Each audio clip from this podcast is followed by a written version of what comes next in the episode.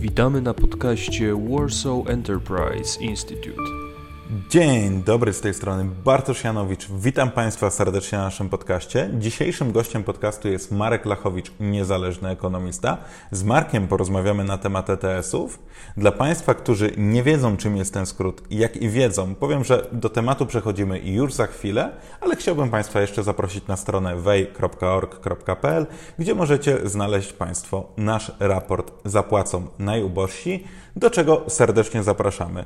A przechodząc do naszej rozmowy, Marku, czym w ogóle są te ETS-y?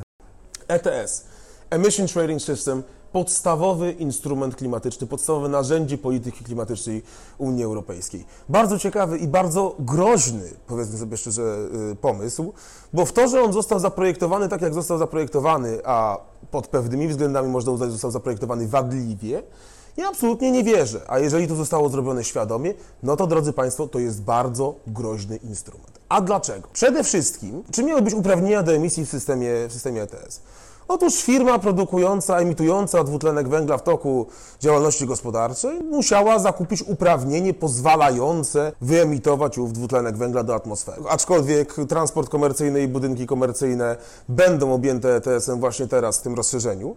Natomiast tutaj mówiliśmy bardziej o gałęziach przemysłu, w których emitowano CO2, typu produkcja stali, produkcja cementu. Oczywiście w przypadku Polski bardzo dużo emituje elektrociepłownictwo. Natomiast firma musi pozyskać uprawnienie i nie może tego obejść, bo tak, nie ma substytutu, nie może nie zapłacić za emisję, no bo wtedy płaci karę 100 euro, no i jednocześnie musi kupić uprawnienie, czyli nie ma, nie ma tak naprawdę obejścia, musi to uprawnienie kupić. No i sytuacja jest taka, proszę Państwa, że wszystko byłoby ok, gdyby nie to, że jest druga grupa klientów. Drugą grupą klientów są inwestorzy finansowi, wszelkie maści instytucje finansowe, które no, działają sobie na rynku ETS, które mogą to kupować jako jeden z wielu instrumentów finansowych. I teraz w tym momencie, w tym momencie oni mogą sobie bardzo bezpiecznie, ci, którzy chcą grać na wzrost cen ETS-ów, mogą sobie bardzo bezpiecznie na ten wzrost cen grać, korzystając z tego, że pewna grupa klientów po prostu nie ma innego wyjścia, musi to uprawnienie kupić. I ta instalacje, podkreślam, nie mogą zrobić nic, żeby, sobie żeby te ETS-y obejść. Nie ma substytutów, dostosowanie procesu produkcyjnego trwa lata, bo to nie jest krótki proces.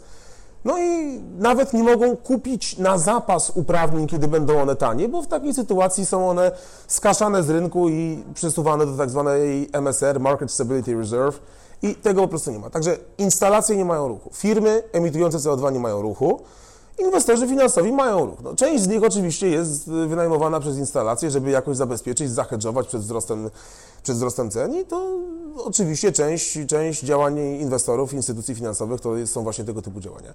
Natomiast ci, którzy chcą grać na wzrost, no to uważam, mogą bardzo bezpiecznie na ten wzrost cen e, grać z uwagi na to, że, e, że pewna część kupców, no nie ma innego wyjścia. I teraz, jaki był tego efekt na głównym ETS-ie? Drodzy Państwo, w trajektoriach polityki klimatycznej zakładano, że cena za uprawnienie, czyli uprawnienie pozwalające na wyemitowanie jednej tony dwutlenku węgla, będzie wynosiła 100 euro w roku 2030. I ta, ścieżka, I ta ścieżka wzrostu absolutnie miała wystarczyć do osiągnięcia celów klimatycznych wszystkiego, co było założone przez Unię Europejską jeszcze niedawno. W tym momencie 100 euro osiągnęliśmy na początku 2023 roku. To nie jest, proszę Państwa, planowany wzrost, to się kompletnie rozjechało. Wzrost cen tych uprawnień nosi wszelkie znamiona bańki cenowej, co zresztą pokazywałem w 2021 roku w dwóch raportach i co również kontynuuje te analizy w tym momencie i również się one potwierdzają. Jeśli system się tak rozjechał, to czy Unia Europejska zamierza go jakoś mocno zmodyfikować lub się też z niego wycofać? Drodzy Państwo, nie zamierza się z tego wycofać, wręcz przeciwnie, zamierza objąć ETS-em, systemem handlu emisjami, kolejne sektory. Otóż yy, najpierw jest yy, najpierw systemem ETS-2, nie do końca tym samym co ETS yy, klasyczny, co, co pierwszy ETS, ale bardzo, bardzo zbliżonym i we wszystkich istotnych punktach, y, jeżeli chodzi o konstrukcję, no, tożsame. Y, najpierw systemem ETS-2 będą objęte budynki komercyjne i transport komercyjny. Czyli na przykład transport komercyjny no, będą płacić właśnie ciężarówki na przykład e, na silnik yy, zaopatrywany, napędzany silnikiem diesla właśnie od emisji ze spalania owego, owego oleju napędowego.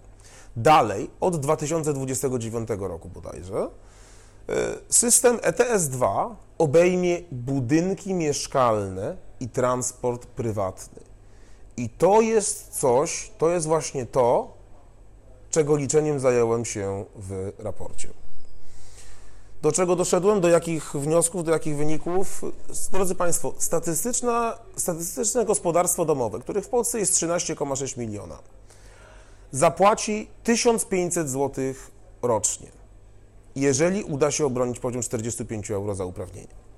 Teraz statystyczne gospodarstwo no jest oczywiście, no, no to, to, to jest konstrukt pewien, dość, dość abstrakcyjny. No jeżeli Państwo macie samochód, a sąsiedzi nie mają samochodu, no to średnio, statystycznie macie Państwo pół samochodu, no to nie wiadomo, czy Wy macie od przedniej osi, a sąsiad od tylnej, czy odwrotnie, no ale czy, czy jak, to, jak to podzielić, ale no po pół samochodu. No i, ale jeżeli by wziąć na przykład gospodarstwo domowe, które zużywa rocznie 3,5 tony węgla do ogrzania domu, i pali 2000 litrów oleju napędowego po prostu od, od jazdy, jeżdżąc po prostu samochodem, no to mówimy już o wydatkach rzędu 2,5 tysiąca złotych, jeżeli obronimy poziom, poziom 45 euro. O, tym, o tej obronie za chwilkę. Tak czy inaczej, sumuje się to wszystko do 20 miliardów złotych rocznie za same budynki, mieszka za same budynki mieszkalne, transport komercyjny w optymistycznym wariancie. Dlaczego mówię o optymistycznym wariancie? Bo zakładamy obronę poziomu 45 euro. I teraz tak. Czy 45 euro jest mocno bronione? Nie. Komisja Europejska zaznaczyła, że będzie tego bronić i że jeżeli uprawnienia przez dwa miesiące z rzędu osiągną cenę 45 euro, to wypuszczą na rynek dodatkowych uprawnienia na dodatkowe 20 milionów ton dwutlenku węgla. To nie jest dużo i jeżeli finansjera będzie chciała to przesiłować, ma potem środki, ona to przesiłuje. No jeżeli 45 euro nie zostanie obronione, cena uprawnienia w systemie ETS-2 zbiegnie do ceny uprawnienia w systemie ETS y, zwykłym, co w tym momencie w 2030 roku jest już szacowane, że to będzie jakieś 200 euro. Ja zakładam, ja zakładam 200 euro w y, swoich wyliczeniach. No i w tym momencie już da nam to w skali kraju niecałe 100 miliardów rocznie, a na rodzinę no, statystyczną polską 6-7 tysięcy.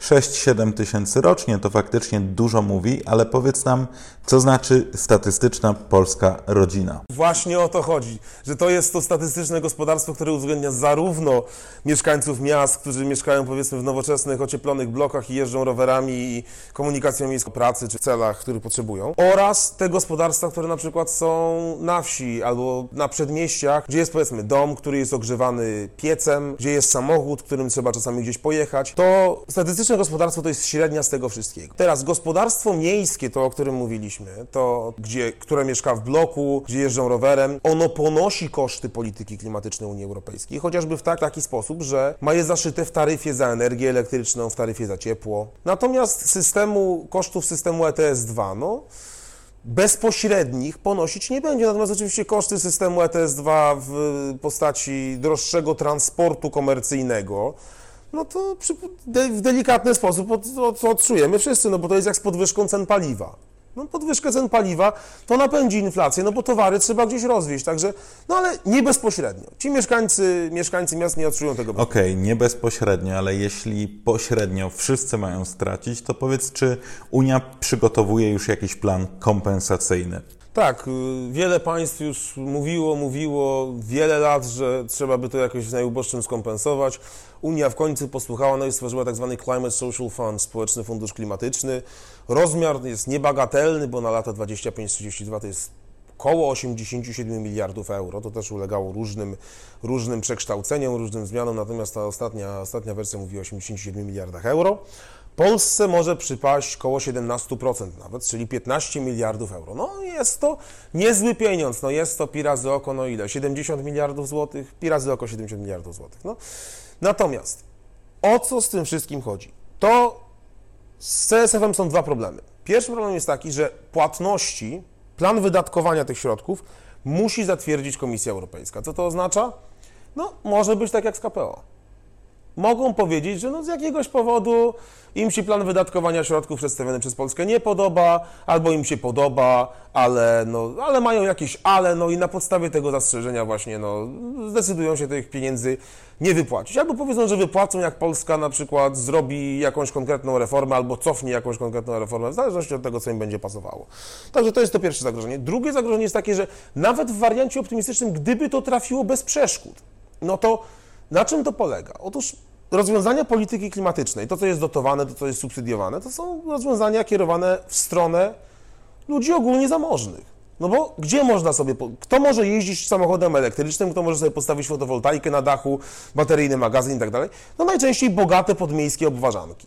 No bo nie oszukujmy się, auto elektryczne to jest auto miejskie, to jest auto na, na szosy, na trasy, być może, no, na trasy troszeczkę gorzej, zwłaszcza zimą, no ale przede wszystkim auto miejskie. Nie ma jakiś heavy duty, jakichś takich specjalnego przeznaczenia terenówek, samochodów, yy, samochodów elektrycznych, które można by wykorzystać na przykład do pracy na roli. Bogaci, dla bogatych kierowane są te wszystkie rozwiązania. Teraz biedni dostaną kompensację z CSF-u, czyli no załóżmy dostaną te 15 miliardów euro. A kto za to wszystko zapłaci? Kto nie dostanie nic? No, średniacy. Pogłębiona, dalsza, postępująca erozja klasy średniej. To jest drugi główny problem CSF-u. Ale żeby nie tylko o problemach, Marku, co rekomendujesz? Jakie kroki możemy poczynić, aby mm, jak najlepiej wyjść z tej sytuacji? Przede wszystkim systemowo. Nie można się bać negocjacji na forum unijnym, nie można się bać twardych negocjacji, nie można się bać weta. Mielibyśmy potencjalnie dużo mniej problemów, gdyby weto zastosowano wtedy, kiedy można było zastosować. Ja od razu mówię, to nie jest żadne wywracanie stolika, to nie jest żadne, e, żadna niezdolność do dogadania się, to jest po prostu jasne, dobitne stwierdzenie, że ta propozycja nam nie pasuje, prosimy dać coś innego.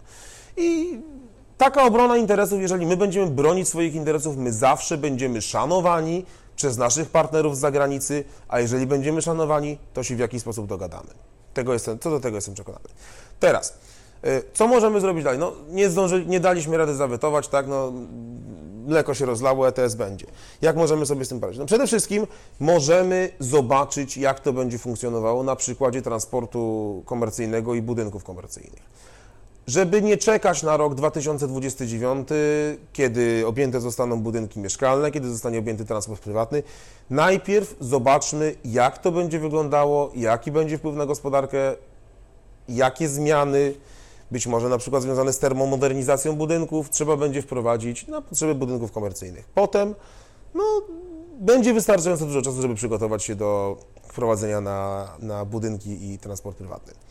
Dalej, co można jeszcze zrobić? Otóż, drodzy Państwo, jest taki przepis mówiący, że do 2030 roku można w ogóle zostać zwolnionym z systemu ETS-2 pod warunkiem, że jest krajowy podatek o wysokości równej przynajmniej cenie uprawnienia. Teraz w teorii, zaznaczam, bo to jest bardzo niewolnościowe i bardzo nielibertariańskie, można by taki krajowy podatek wprowadzić, żeby przynajmniej te pieniądze, no to będzie głównie ETS na, na budynki komercyjne i na transport komercyjny, ale te pieniądze przez tych kilka lat zostałyby w kraju. Zawsze jest to parę miliardów, które na pewno zostaną w kraju kontra, trafią do centrali, trafią do Unii, trafią do CSF-u, no i może zostaną rozdysponowane tak, że trafią do Polski, a może z powrotem, a może nie trafią, jeżeli znowu komis- jeżeli na przykład Komisji Europejskiej coś nie będzie pasowało. Także dla bezpieczeństwa można taki krajowy mechanizm wprowadzić.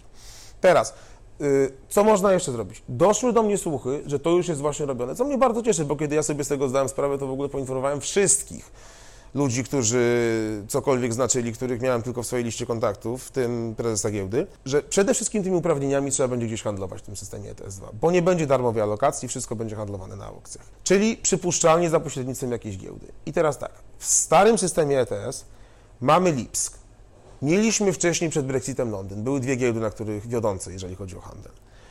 E, przypuszczalnie Stara Unia nie będzie skłonna oddać Lipska bez walki, ale drugi taki parkiet do tego handlu, drugi z tych parkietów głównych, powinien być w nowych krajach Unii, w Europie Środkowo-Wschodniej i naturalnym kandydatem jest giełda warszawska i absolutnie powinniśmy się starać o to, żeby w Warszawie tymi uprawnieniami handlowano, żeby to była giełda wiodąca. To możemy zrobić w tym momencie. Dziękuję Marku. Naszym gościem był Marek Lachowicz, niezależny ekonomista.